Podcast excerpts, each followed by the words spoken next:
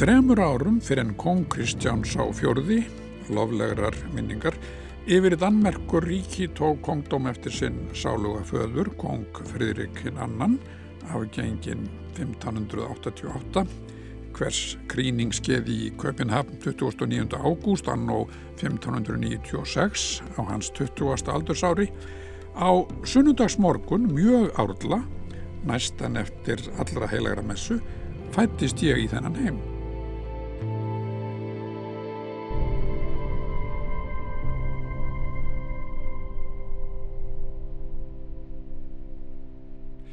Þannig byrjar Jón Ólarsson Indiafari sögu sína og reysubók en nú eru vel á fjórða hundrað ár síðan þessi viðförli Íslandingur leið dagsins ljós vestur í Altafyrði.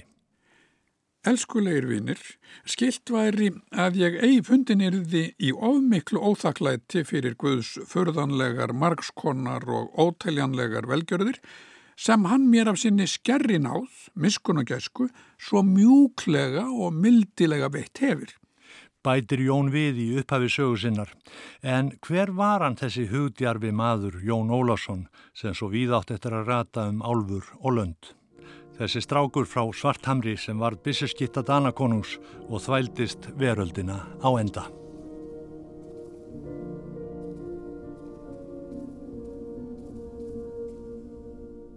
Hann er náttúrulega bara uh, fátækur uh, alþýðu drengur á vestjörnum Þórarinn Eldjárn, rittuðundur. En hann virðist snemma hafa orði heldtekin af út þrá og nota svo tækifæri þegar hann byðst að fara utan með ennskum. E, móður hans til mikill að sorgar en honum halda engin band og hann, hann drifur sig Þar held ég að byrtist nú bara strax eh, hvað þetta er mikill atorku maður og, og hérna órættur og vílar ekkert fyrir sér. Og manni finnst líka þegar maður lesa þetta sko að þarna komi þessi karakter hans strax í ljós eins og maður lesa hann síðan af æfisögunni eða reysubókinni að um, hann virðist eiga auðvelt með að kynnast fólki og, og menn svona e, e, rífast af honum og vilja gjarna e, gera honum svona eitthvað gott eða gjarna fá hann til starfa hjá sér. Auðvitað kann það að vera og það er nú oft verið bent á það að hann kannski íkinn út álitið ekki síst á því sviði til dæmis setna þegar hann er í sínum syklingum gerist hann og æði ofta inn í ræðistu ráðamenn leita til hans með svona uh, vilja fá ráðlýtingar um hitt og þetta og það uh, svo sem virkar ekkit mjög sennilegt en segir dálítið um, um hans karakter Saga Jóns Óláfssonar Indiafæra er bara einhver merkilegasta æfirsaga Íslanding sem við eigum.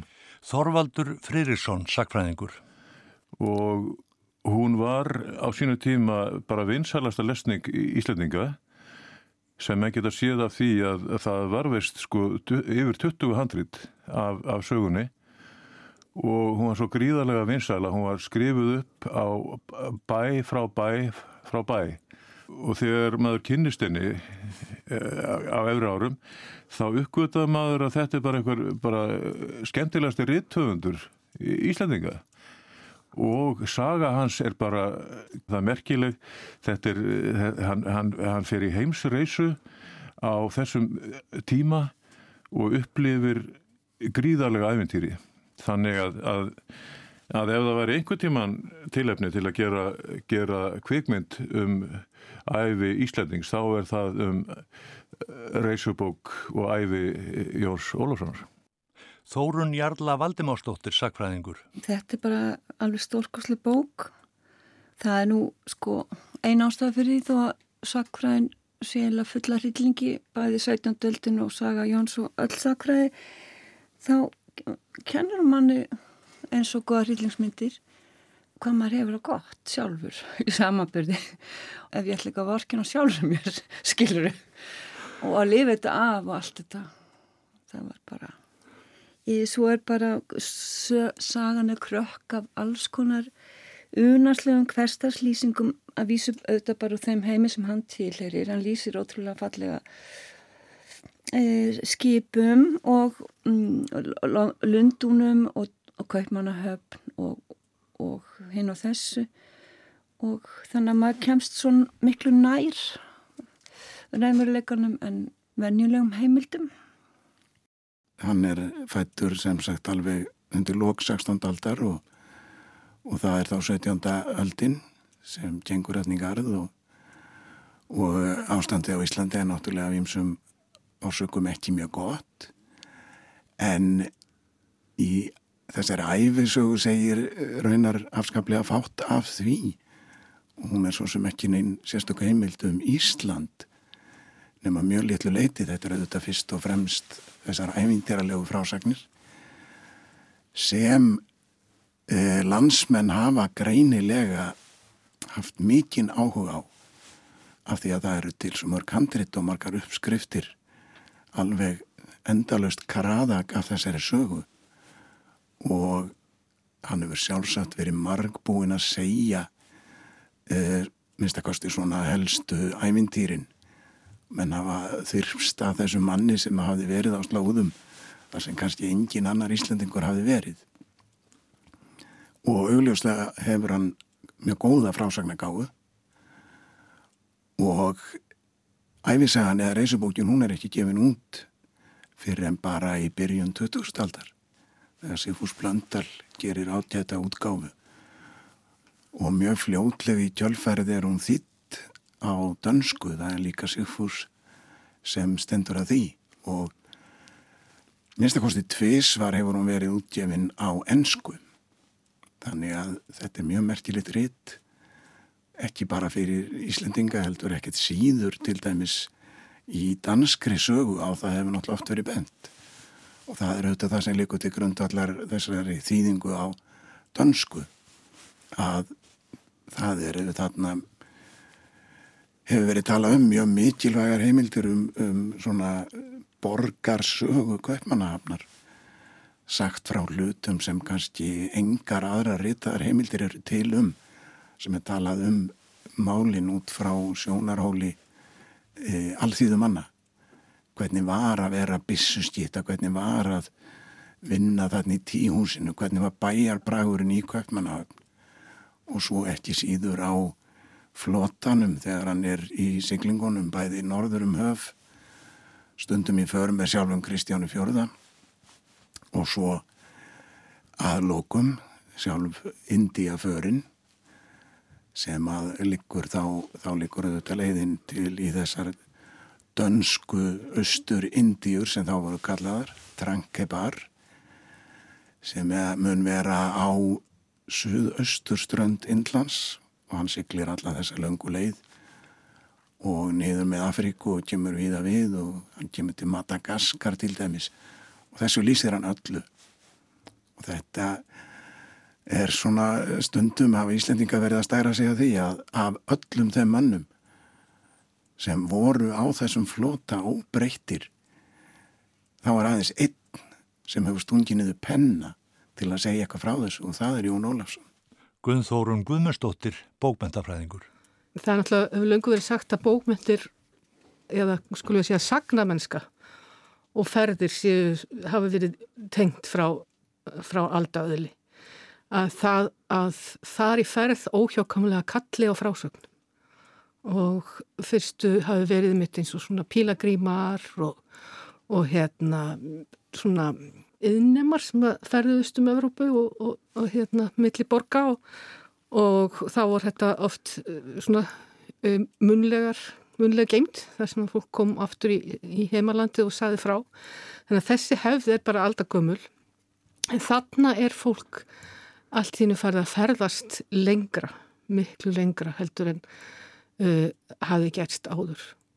Og það, ég þegar ég segi fólk að þá eru þetta náttúrulega örfáir sem að, sem að ferðast svona, svona langa veglengdir og þannig að það, það er að þýleiti er þetta alveg, alveg svona stórkostlegt tímambil einhvern veginn. Það er allt svolítið svona opið ennþá, það er ekki búið að negla niður hérna hverji ráða yfir þessum hérna svæðum sem hann er að fara um sem síðan náttúrulega verður kannski enn blóðugra og, og hérna, afdrefa ríkara á 18. og 19. öldinni sko.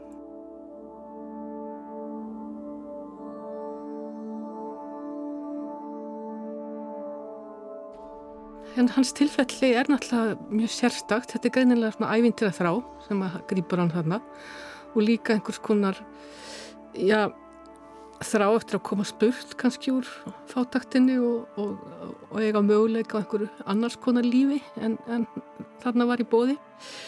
Um, þannig að einuleiti er þetta bara svona personubundið og, og bundið við þennan, þennan mann. En svo líka sínir þetta bara að Ísland var alltaf í tengslum við umheimin að einhverju leiti og var alltaf í tengslum við eh, bókmentir annar staðar. Þó að, þó að það er kannski ekki verið í, neinu hérna, svipuðu magni og nú er en, en þá enga síður þá var þá hafði hann lesið alls konar og, og, náttúrulega eftir hann skrifar þetta, áður hann skrifar þetta þá hefur hann náttúrulega þýtt ímislegt og, og þannig að, að hann er þannig að skrifa sig inn í einhverju hefð sem hann þekkir að einhverju leiti. Þannig að hann er bæði, er hann svona, já, bara fátaki sveitadrengurinn og bráð ungi fátaki sveitadrengurinn sem að fer út í heim og hins vegar e, er hann svona sjálfmentaður á einhverju leiti og er inn í, inn í heimsbókmyndunum. Jón Ólásson var sagður viðförlasti Íslandingu sinna tíðar næst yngstur 14 sískina, það sem aðeins þrjú þeirra komist á legg. Uppáttækja samur strákur og stöðugt við það að fara sér á voða. Við vitum að hann var aðeins 5 ára, næri druknaður í bæjaleknum heima á Svarthamri. Hann hafði þó tekið vögguna sem hann svaf í sem unga barn og notaði hana sem skip til að sigla niður bæjalekin. Í þeim í öðru sinni þá ég var átta vetra gamall er ég á einum laugardegjum sumarið var með haldóri bróður mínum riðin í veiði ár fram í fjörð. Lá mér við að drukna á þeirri stóru fjörðar á er svo kallast en bróður minn Haldur kom mér með Guði til hjálpar. Ráning fekk ég hvert sinn hér fyrir svo sem verðugt var. Mín elsku móðir bar stóran kvíða fyrir mér við vatsföllum allra helst og mælti hún það og margir að mér myndi auðurnast yfir vötn að ferðast.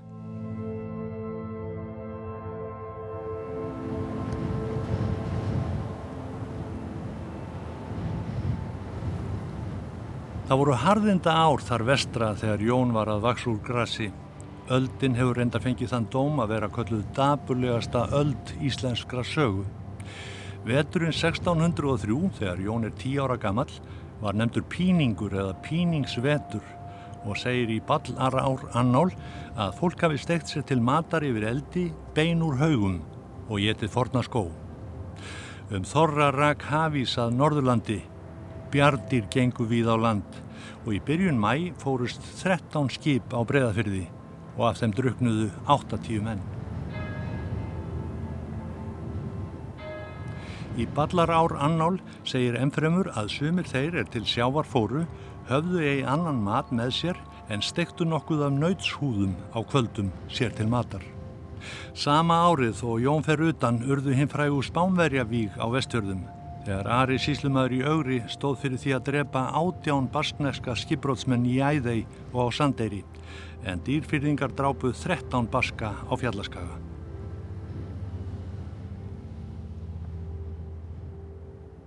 Það hefur verið góð samskipti Íslendinga við margar þjóðir eins og Baska og Hollendinga og, Englendinga.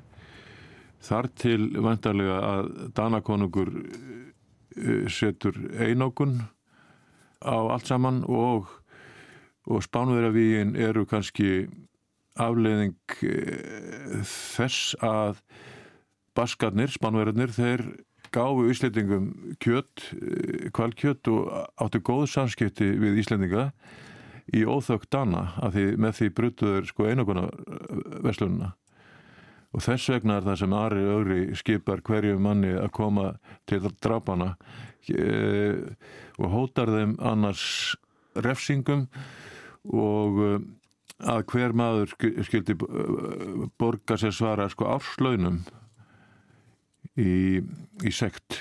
Mæti menn ekki til drafana og þarna var alltaf eins og menn vita fjöldi presta og, og þetta er eitthvað svona ljótast í kabli Íslandsugunar og lítil mannlegt því, því þeir komist þarna nokkur nokkur í, í, í kirkju og, og, og, voru gefin grið. Þá að tala, þarna prestatnir töluðu náttúrulega latínu og töluðu latínu við, þetta þarna voru skipstjórar aðalsmenn hámentaði menn var, voru gefin grið en, en voru svikninu leiðaðu komið út, kom út. Og þegar búið var að drepa þá á sundi suma að þá voruð dregnir í land og, og, og morðingjarnir skiptu fötum þeirra á milli sín. Þetta getur ekki verið ógæsleira en sem sagt e, Jón Indjafari átti góð samskipti við erlenda þjóður sem hér fiskuðu og ekki bara fyrir Spánverðarvíðin heldur er hann einnig að aðstóða englendinga og aðra sem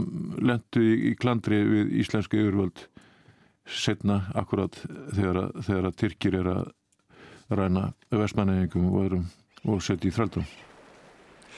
Vorið 1615 þegar Jón er 22 ára gammal er hann farin að stunda fiskveðar á samt félögum sínum frá Óslíð skamt utan við Nýfstall en þá bar heldur betur til tíðinda í lífi okkar manns.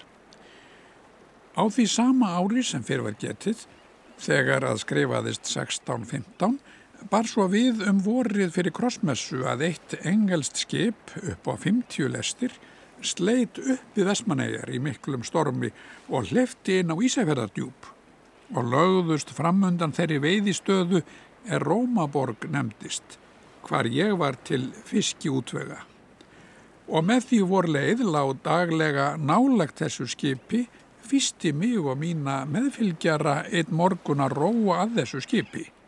Skipherran hétt Ísak Brommet einn sérdeilis ágætur, frómur og ráðvandur maður. Hans mæti hétt Vilhjálmur Hunden. Bátmeistarinn hétt Vincentius. Þessi skipherra meðtók mig og mína lagsmenn vel og þar fyrir þarfei sögur um að lengja að ég án vitundar minnar elskulegu móður réðist til fars og útferðar með þessu manni. Það, það er svona eitt svona af þessum bókmættilegu myndum sko, hvaðja móður sína að mann heldur út í heim. Það er svona, við getum alveg sett þetta alveg fram til nonna. Þannig að þetta er eitt af því sem er mitt. Þú, þú kveður móður þína og svo ferðu og vinnur heiminn handinni. Það sem að gerur okkur erfitt að sjá nákvæmlega hvað það er. Að hann skuli fara í svona eh, stórfenglegt æfintýri fyrir, fyrir hérna mann af hans hans stjætt og hans uppbruna og svo framvegis. Og það er kannski svolítið erfitt að segja á því vegna þess að hann skrifar þetta svo miklu setna og þá er þetta sko, þá er þetta er eitthvað freistandi. Það er einhver, eitthvað sem freistar hans þegar hann, þegar hann hérna, kemur um borði í þetta erlenda skip. Þá er, þá er eitthvað allt annað sem að hérna er eitthvað freistandi. Og maður veit náttúrulega ekki hvaðan á þeim tíma hafið lesið eða vissi eða, eða nokkuð slíkt og auðvitað ætlaðan bara skreppa til útlandi í smá stund. En henni svo hérna aðeins meiri æfintýrum en það er gerst ræð fyrir. En, en hvaða er nákvæmlega það er náttúrulega bara ómögulegt að segja. Það er mjög forvinnilegt. Ísland er nú að talið að vera mjög einangra land en stæðst nú ekki öllu leiti því að strax á, á 15. öld var hérna fjöldi útlendinga englendingar og þjóðverjar. Helgi Þorláksson, sakfræðingur. Og þegar að svo Jón ferðarnum borð 1615 þá hefur áhjana Íslandi aukist um allan helming, má segja. Og það er vegna þess bara að það eru svo mikla framfærir í siglingum og, og með voru fræðnar að sigla hér um Norðallasafið og höfðum ekki áhuga á að finna til dæmi siglingaleiðina til Kína. Gerður svo vonur um hún geti leið hérna norður eftir og væri fær. Um, og síðan náttúrulega uppkvæða menn ímislettir er, er á þessum ferðum. Sjá að hér eru kvalavöður langt norður í höfum við Ísland og langt norður af. Og síðan náttúrulega uppkvæða menn mikil fiski með við Ísland, það var nú svo sem ekki, ekki nýtt í sjálfu sér. En einhver síður þá vaknaði á í hjá þjóðin sem ekki höfðu tekið þátt í fiskveðum við Ísland áður eða kvalviðum fyrir utan náttúrulega einlendingana þá eru hérna baskar sem er náttúrulega frægir vegna spamverja vegana En eh, síðan koma hollendikar hvaðu hverju sko og hafa áhuga á kvalveðum og, og fiskveðum og elitikar sækja mjög í sig veðrið á 17. öll sko það fjölgaði mjög ennskum skipu við Ísland. Það er kannski ekki rétt að segja Ísland að við lendaði einhverju ringiðu beinlinis en það kom bara fjöldi þjóða út til Íslands og Íslandikar kynntust mörgum af þessum mönnum og þetta var svona vist áegjefni í kvöpmunöfn því að Danakonungur hafði náttúrulega sett á einokun 1602 og svo höfðu kannski, Danir ekki mikið bólmag til þess að stunda þessa vestlun með Soma á Íslandi. Nú, svo lendi Danir í, í allskinn styrjöldum og, og rakvörum á 17. öld og þá gáttu hennu lítið sint þessari vestlun og léttu óatalið þó hollendikar væri að vestla hérna. Síðan færðu einlendikar sér upp á skafti, sko þeir eru vestla hérna mikið náttúrulega 15. og 16. öld, svo voru eiginlega uppkefnir í, í samkefni við þjóðverð á 16. öld, en svo á 17. öld þá fara enskir farandkveipmann að koma með fiskiskipunum til Íslands, ganga hér um sveitirnar og selja varning en annars þá var eftirlit dana frekar erfitt en þeir voru líka sækið sér veðrið Kristján Fjóruð var konungu þeirra og hann í fram að að hann ætti að ríkja yfir öllu Norður Allandsafi, nánast minnstakosti öllu sveðinu millir Norres og, og Grænlands Var það algengt að breskir skútukallar væru við eh, vestfyrði á þessum tíma? Já, já. Það var mjög mikið um hérna ennsk skip hér og það var ímest þannig sko þeir veit og djúpmöðum þá var handfæri bara og þeir sáist ekki oft í landin ef maður kemur þá til þess að sækja sér vatnaðalega eða leita vars. En svo voru hínir sko sem veitu á, á línur, það voru kallað lóðir og þeir voru alltaf upp í landsteinum. Þeir voru með litla báta líka sko til þess að draga línuna frá skipinu og þeir fengi að geima þessa báta á Ísland og þeir kynntust Íslandikum margir Þeir voru margir á höftunum eftir laungu, sko ekki þorski reyndar. Það var herramannsmatur talinni á Englandi. Þannig að þeir veitu mikið af henni þarna við Vestmanni og millir Vestmanni og Reykjanes. Þeir voru undir Snæfisnes og veitu þessa laungu þar líka. Og Íslandika fengu vinnu hjá þeim sko á bátunum. Þeir voru líka Ísafjörðardjúpi að veiða á með línur. Jökulfjörðum til dæmis og, og fengu að geima bátinn í landi og þannig að það var mikill samgangur og, og sumir skipstjórnur á þessum dugum þeir koma ár eftir ár eftir ár, kannski ára tugum saman, byrjuðu kannski 15-16 ára og voru allir miðaldra menn svo, þau komuðu hverju ári. Þannig að þeir kynntust Íslendikum ágætlega og það var ekkert mál að fá til þess að taka svon með til Englands stundum átti fólk alveg sæða bönnum og, og fannst bara snjált að, að hérna, koma síni af sér á, ef hann var efnilegur á, á einhvern skipstjóra sem að tóka hann með til Englands og síðan var hann settur í yðnám þar eða eitthvað og gerist bara borgar á Englandi. En vikjum aftur á Jóni sem er á fögru Jónsmessu kvöldi komin um borði í ennsku skútuna Salomón á leið á vit æfintýrana. Samningurinn hljóðuð upp á Jónskildi afgreða Ísæki skipherra tíu dala gildi nær þeir kæmu í England. Hafði Jón með sér fimm vættir af vorfiski, ullarvoðir og lísistunnu til fararinnar.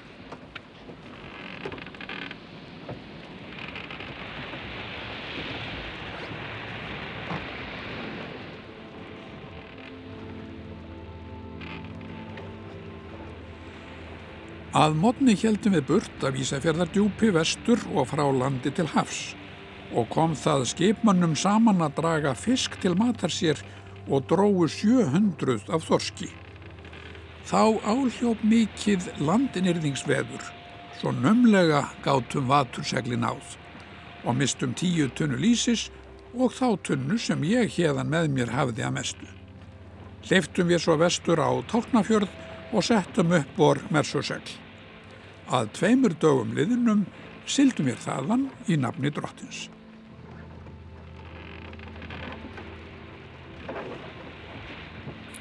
Sko, auðvitað urðu menn að vera trúaðir á þessum tíma.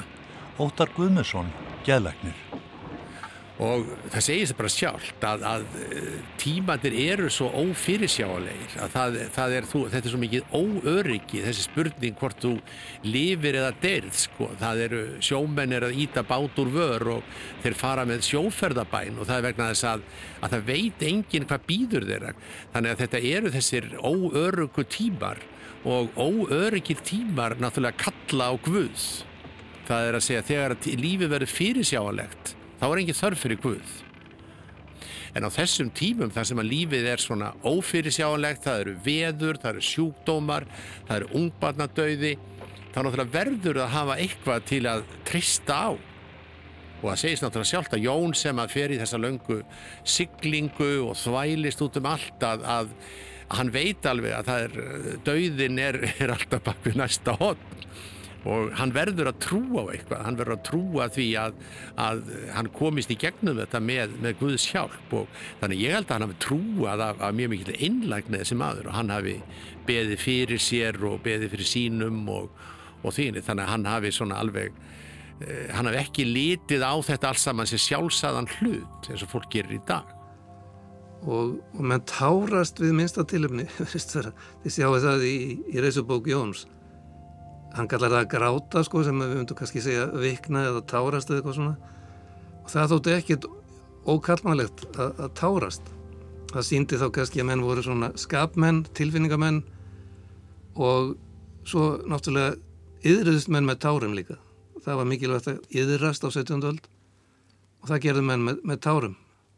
Silja Adalsteinsdóttir bókvendafræðingur Hann er guðrækin maður, hann er trúmaður, mikil trúmaður og hann treystir guði og hann, hann uh, uppsker finnst honum og finnst okkur kannski líka fyrir sína trú. En hann er líka ungur maður og svolítið óþekkur og þessar tvær hliðar á hann koma náttúrulega betur fram uh, árin í Kaupmannahöfn áður en hann fer uh, til Indialands vegna þess að já, það, að þá er hann strákur með öðrum strákum. Eh, en hann verður svolítið rúnuð persóna. Hann er þessi trúmaður hann er þessi trúgjarni eh, drengur sem að eh, treystir öðrum vegna þess að hann veit að hann er sjálfur tröstsins verður. Eh, en um leið og honum er gerður grekkur þá er hann líka tilbúin bæði til að standa uh, með sjálfum sér og, og standa upp í hárinu, jáfnvel á sínum yfirmönnum uh, og, og hefna sín ef hann fær tækifæri til.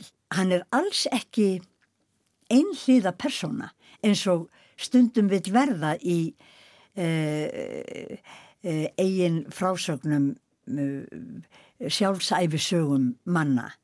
Ég tala nú ekki um þegar þið þurfa að segja frá svona kraftaverkum sem þeir verða fyrir þetta er fjarið því að vera einhver helgisaga. Þess vegna finnst okkur gaman að lesa það. Hún er fyndin, hún er, hún er skemmtileg. Það er í henni undirliggjandi húmor. Uh, uh, hún er íkjukend og, og ævintýrakend. Hvað hefur Jón lesið áður en hann Uh, áður en hann fer utan? Hann, hann, hann hefur heilt náttúrulega uh, hlustað á Íslendingarsögurnar sjálfar uh, sagðar eða, eða lesnar. Hann veit hvernig hetjur haga sér.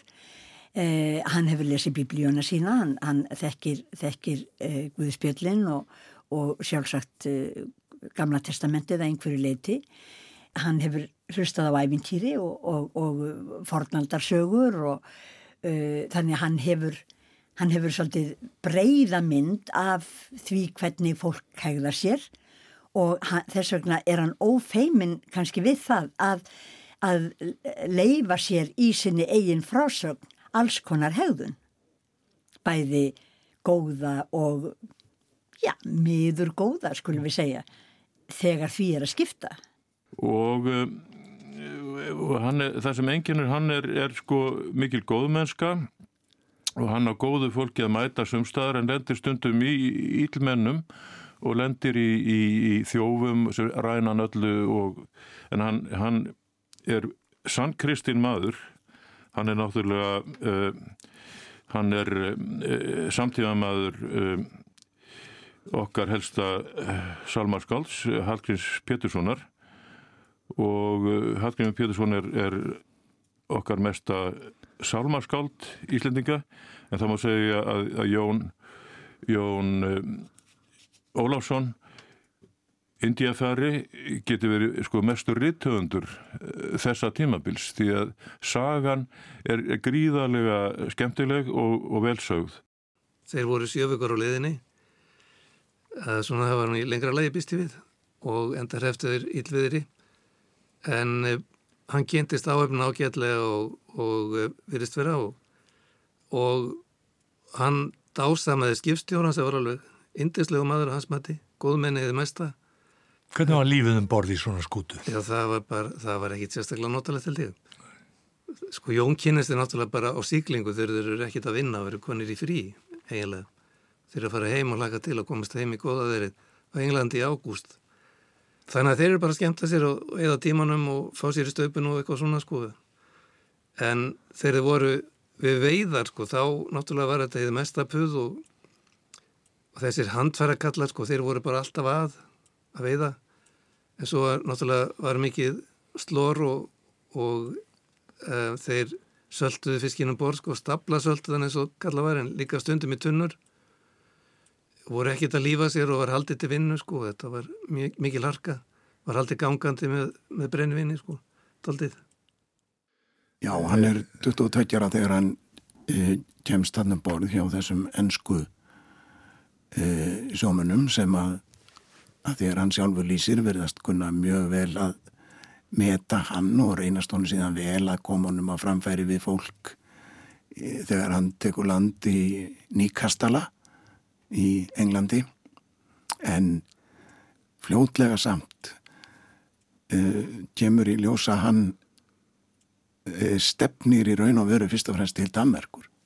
það sem gerir Jón mjög sérstakann er það eh, þessi sko þessi svona aðtapna þrá í brjóstun á honum, hann, hann einhvern veginn eldst upp við þetta og það er eðlilegast að hann sko hefði bara farað að stunda sjó og, og hókra í einhverju litlum búskap en þá vill hann fara lengra og, og einhvern veginn ákveður að fara í ferðalag og fer út í þessa duggu sem að likur hérna úti úti fyrir og, og, um, og fer með henni til Englands. Þannig að, þannig að karakterin er greinilega mjög svona lífandi lífandi maður og uh, aðtapnasamur, ævintýragjarn og alltaf óhrættur og það er náttúrulega það sem einkennir hans karakter í bókinni hvað hann er óhrættur við allt.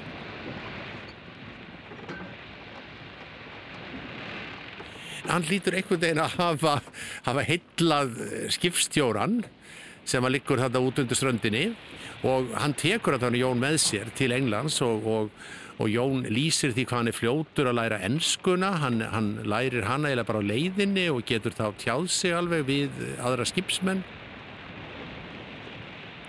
Ísaki skipstjóra lýsir Jón sem sérdeilis ágætum frómum og ráðvöndum manni eins og hann orðar það og þeim verður vel til vina. Jón var látin sofa í káetu hjá bátsmanninum Vincentiusi. Hverið var minn fóstri og sérdeilis góður. Skipherra baðan um mig og lofað honum launum þar fyrir, segir Jón. Stýrimanni eða mætinu Viljámi Hönten lýsir Jón hins vegar sem kvatorðumanni og gletnum sem hafi talið ílla um Íslendinga. Hvar af ég oft fyrtist við hann. En þeir félagar glýmdum borð og teldu saman kotru þegar færi gafst til. Ei var ég hans jafnaðar maður til glímu því hann var hinn mesti listamaður þar til og fleira en í tabli hafði hann aldrei við. Samt vorum við í mennleysi til saman og vildi oftlega hafa fengið mig til jarmóð með sér þar sem hann átti heima og koma mér þar í vist.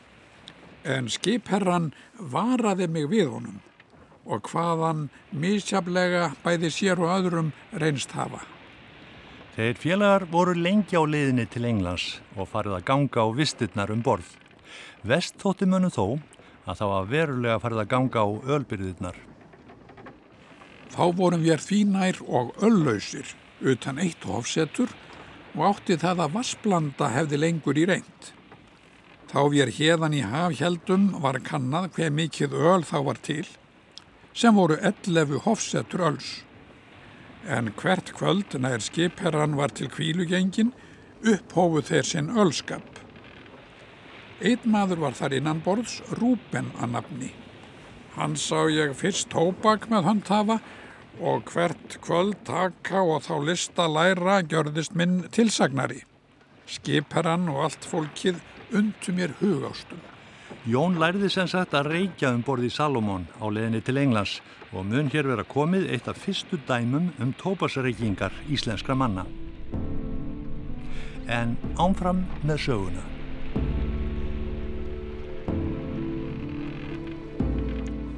Getur nú þess að ég sá um England þar sem nýkastalli nefnist. Urðum við þá allir næsta gladir. Jón Ólafsson, pilturinn frá Svarthamri, er sem sagt komin alla leið yfir hafið til Newcastle á Englandi og farin að reykja í þokkabót. Orðin liður í ennskunni eins og hann segir sjálfur að hann hafi lært svo góða engelsku í þær sjö vikur að menn heldur mig engelskan mann vera. Og uh, síðan kemur hann í land í Englandi og, og það er alveg sama, hann bjargar sér, hann er mjög svona fljótur að átta sig hvað, hvað, hvernig hann á að lifa lífinu og hann gerir það. Þannig að þetta hefur verið mjög greindur maður, svona eðlis greindur og, og fyrst og fremst að þetta er svona maður sem að fljótur að bjarga sér.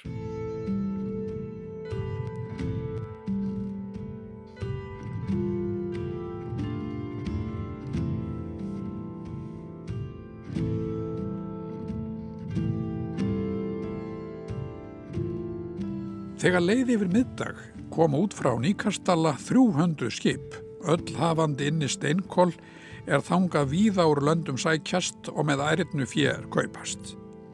Að mótni næstum þar eftir, sem var sunnundagsmorgun, gekk vor skipherra til kirkju.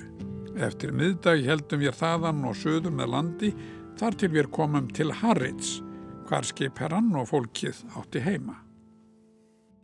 Sko eilendikandi sem komum til Íslands og voru hér að veiðum, þeir komu frá austur Anglíu, fyrir norðan og austan London og þar eru þessir bæir, Harrids og Yarmouth og fleiri og fleiri og fleiri, komum frá fjöldabæja þarna. En menn á vestuströndinni, þeir fóru á nýfundarlandsmið frekar. Þannig að þetta voru austur eilendikar sem að leituðu til Íslands. Kveipinnitum voru á höftunum eftir skreið, en fiskimennir náttúrulega veitu bara fyrst til að salta hann. Og það var bara fítn og goða markaði fyrir svona fisk í, á Englandi og þess að koma þeir. það var fiskurinn sem dróð á til Íslands. En það kemur sem sagt í ljós að, að þetta fólk sem Jón hittir í Englandi, það var til í raunni. Já, ekki bara það, því að Jón kom að hann til Harrids og skoðaði um og þessi veitikastæður sem þessi ætt átti Tvittættin og, og Tómas Arag, hann er til ennþá, hann heitir Three Cups, ég er með myndað hann í bókinni, Sjóran og Siglingar. Um, að húsi stendur ennþá eða stóðu 1999 þegar ég var hann á ferð. Þetta er náttúrulega upp af á blómaskeiði eilendinga að því liti til að þeir eru eftir að verða stórveld á höfunum og þannig eru þeir að koma undir sig fótunum eða koma skipunum undir sig og svo maður segja og það hefur stundu verið sagt að siglingarna til Íslands hafi verið mjög mikilvægur skólu, ég held að það sé alveg hárrétt. Og það sérstaklega er sko að svimir af þessu skipstjórum þarna frá Harris til dæmis, þeir voru svo fóringjar í sjóvarnum sko. Og menn hlupi sko eiginlega á milli skipastundum náttúrulega er bestu skipin kölluð bara frá Harris til dæmis til þess að þjóna í sjóarnum ef einhver hættir á ferðum. Og þessir Íslandsjóminn þeir stóðu sig ágætlega þarna í þessum átökuðu spánverjina sko. það vakti aðtegli en þannig að sko þeir eru ekki að sigla til Íslands frá því mars-april og fram í júni-júli þá eru þeir í flutningum sko á sömu skipum um hausti kannski til meilansis eða eitthvað svona og svo eru sumi fóringjar í sjóvarnum. Þannig að það eru mjög náan tengsl. Þannig að þetta eru mennindir sem leggja grunninn að þessu, þessu veldi breyta á höfunum, má segja. Nú er þar aftur til máls að taka að við um kvöldi fórum með ferjumanninum yfir móðuna til borgarinnar, langt eftir dagsettur. Þá gengum við heim í borginna og til skipherrans hús. Þá var hann í heima er við þar komum því hann var gengin til sinna reyðara að skýra þeim frá sinni reysu og því hann hefði akkari mist. Kona hans tók fegins hendi við mér og sagði mig guðvelkomin með frábæru blíðleiti. Hún tókst að heitla mann í nýja kastala sem bauð hún þjónust í sjö ár og þriðjung egna sinna af því að þessi karl var barðlaus án erfingja.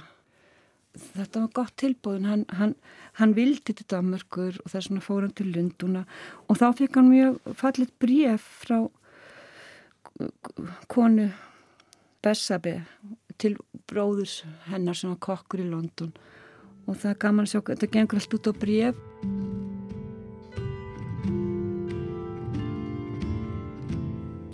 Jón ferðaðist um England og kynntist háum sem lágum hvar sem hann kom. Hann komst þó ekki hjá hremmingum eins og þegar hann tapaði farangri og farar eiri sínum í ræningjahendur í bænum Harrids, þar sem hann bjó. Þar fann hann einn daginn sínar kistur brjálaðar og mest öllu úr þeim rænt, eins og hann orðaði það. En sko þarna kemur fram þessi sérkjala mynd sem hann drefur upp af fólki. Mennur annarkot ílmenn eða góðmenn verist vera. Það er að segja annarkot er þetta sómafólk eða ekki sómafólk. Og hann umgengst sómafólkið og forðast hérna og lendir yfirlega í útustöðum við þá. Það átti þó ekki fyrir Jóni að líka verða ellidauður í Englandi. Hugur hann stóð til Danmörkur. Það var þangað sem hann vildi halda til höfuborgar ríkisins sjálfrar kaupmanahafnar. Og nú bar svo vel í veiði að til Englands voru komin tvö skip kongsins í Danmörku, Kristjáns fjörða, að færa Englandskonungi hestaðgjöf en þeir konungarnir, Kristján fjörði og Jakob fyrsti Englandskonungur, voru mágar. Og hér býðst honum pláss á öðru konungskipinu eftir hann kynist einum skipverjana, dönskum manni Jóhanni nokkur Martensinni. Sákunni nokkuð í íslensku eftir að hafa leið við Ísland með reyðargós í þrjú sömur. En áður en okkar maður yfirgefur England reysir hann til Lundún.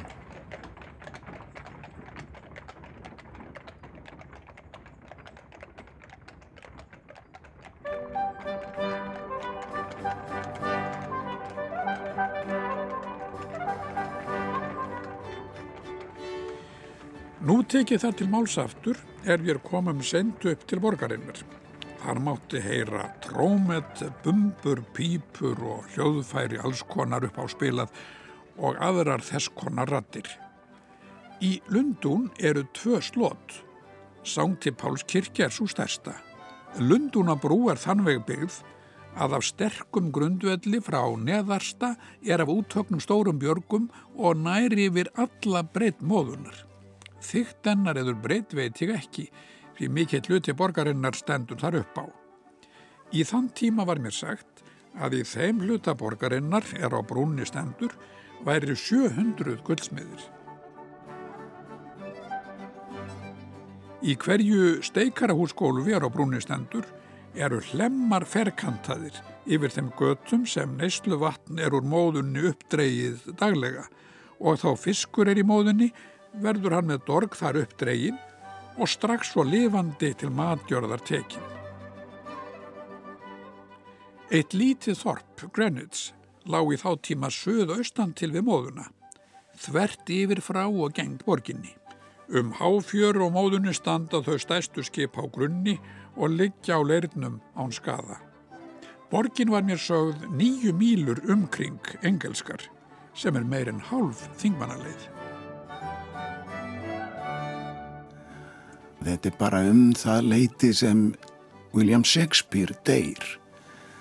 Hann deyr 1616 og e, Jón Indiafari er, er komið til Englands bara um svipa leiti og kannski hefur hann frétt af, af andláti þessa merkamanns og jafnvel farið á leiksýningu einhver staðar þó hann segir nú ekki frá því beinlinis. Það er augljóst að hann hrifst ákaflega mikið af lúðrablæstri og þetta hefur auðvitað ljómað tegnarlega og ekkert endilega út af því að hann sjálfur væri svo tónnegður umfram aðra heldur að hann kemur úr gjörsamlega hljóðfæralösu landi. Hefur kannski hýrt eitthvað að menn væri að plokka langspil eða, eða, eða sarga með, með boga. En ég held að Jón sé ekki eina dæmið um það að, að Íslendingar sem sem koma allt í einu í svona umhverfi og heyra svona hljómlist að þeir uh, hyllast strax. Kannski ekki síst af lúðrablæstri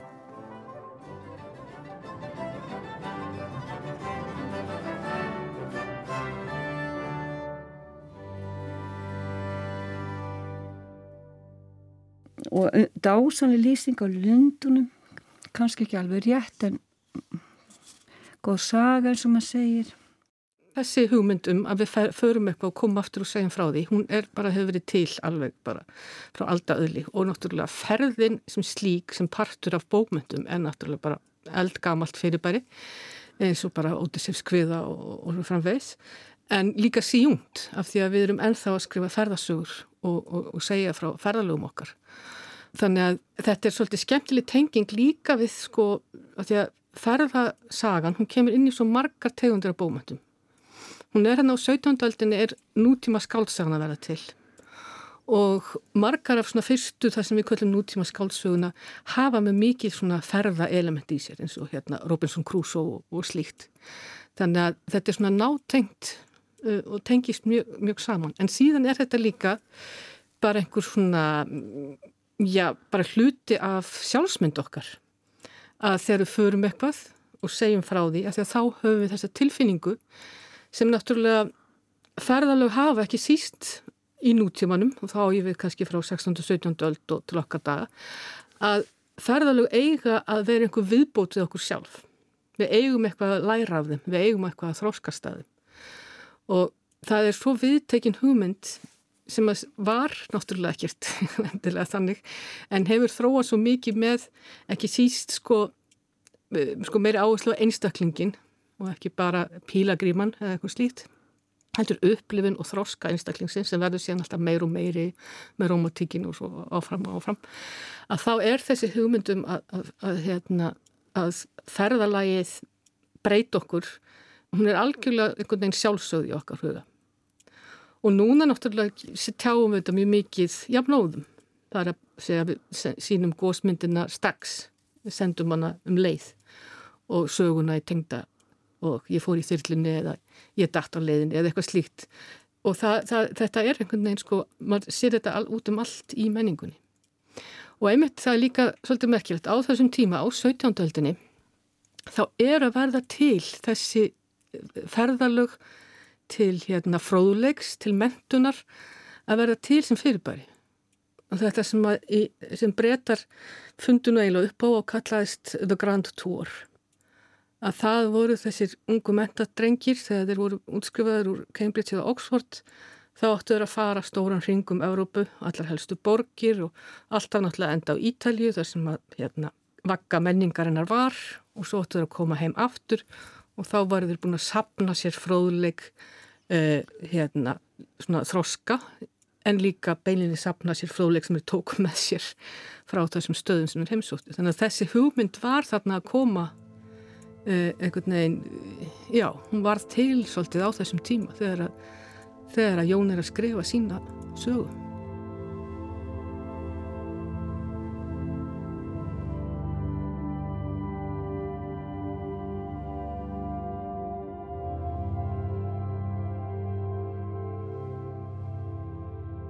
Við skiljum við Jón Ólason Indiafara þessu sinni þar sem hann er komin um borði danst herskip á teimsfljóti við Lundunaborg á leið til Danmörkur.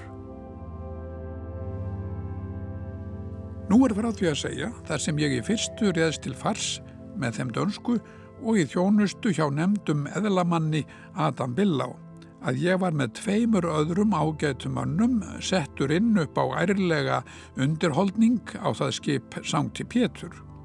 Eitt þeirra hétt Magnús af norskri ætt. Sáur var kongsins í Danmörk stallmeistari, góður maður og frómur. Annar hétt Jakob Pétursson.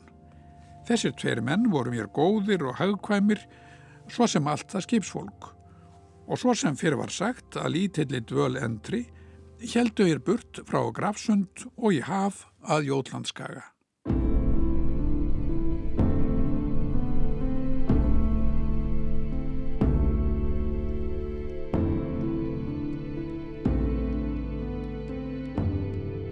Í næsta þætti fylgjum við okkar manni yfir hafið til Danmörkur þar sem hann gerist bissuskitta konús og er látin sverja eigð upp á salt og brauð. Jón heitlast af undrum borgarinnar við sundið Hann verður vitnið að hræðilegu basmorði og er munstraður sem fallbissu skitta um borði eitt af herskipum danska flotans og siglir norður fyrir hinn þekta heim. Og ekki nómið það, hann lendir á sama skipi og Kristján konungur fjörði og kynist konungi sem kom sér reyndar vel setna þegar Jón lendir í hennu yllræmda fangjasi bláturninum eftir að hafa verið dæmdur til dauða fyrir að mæta og senda á vaktina örlítið við skál.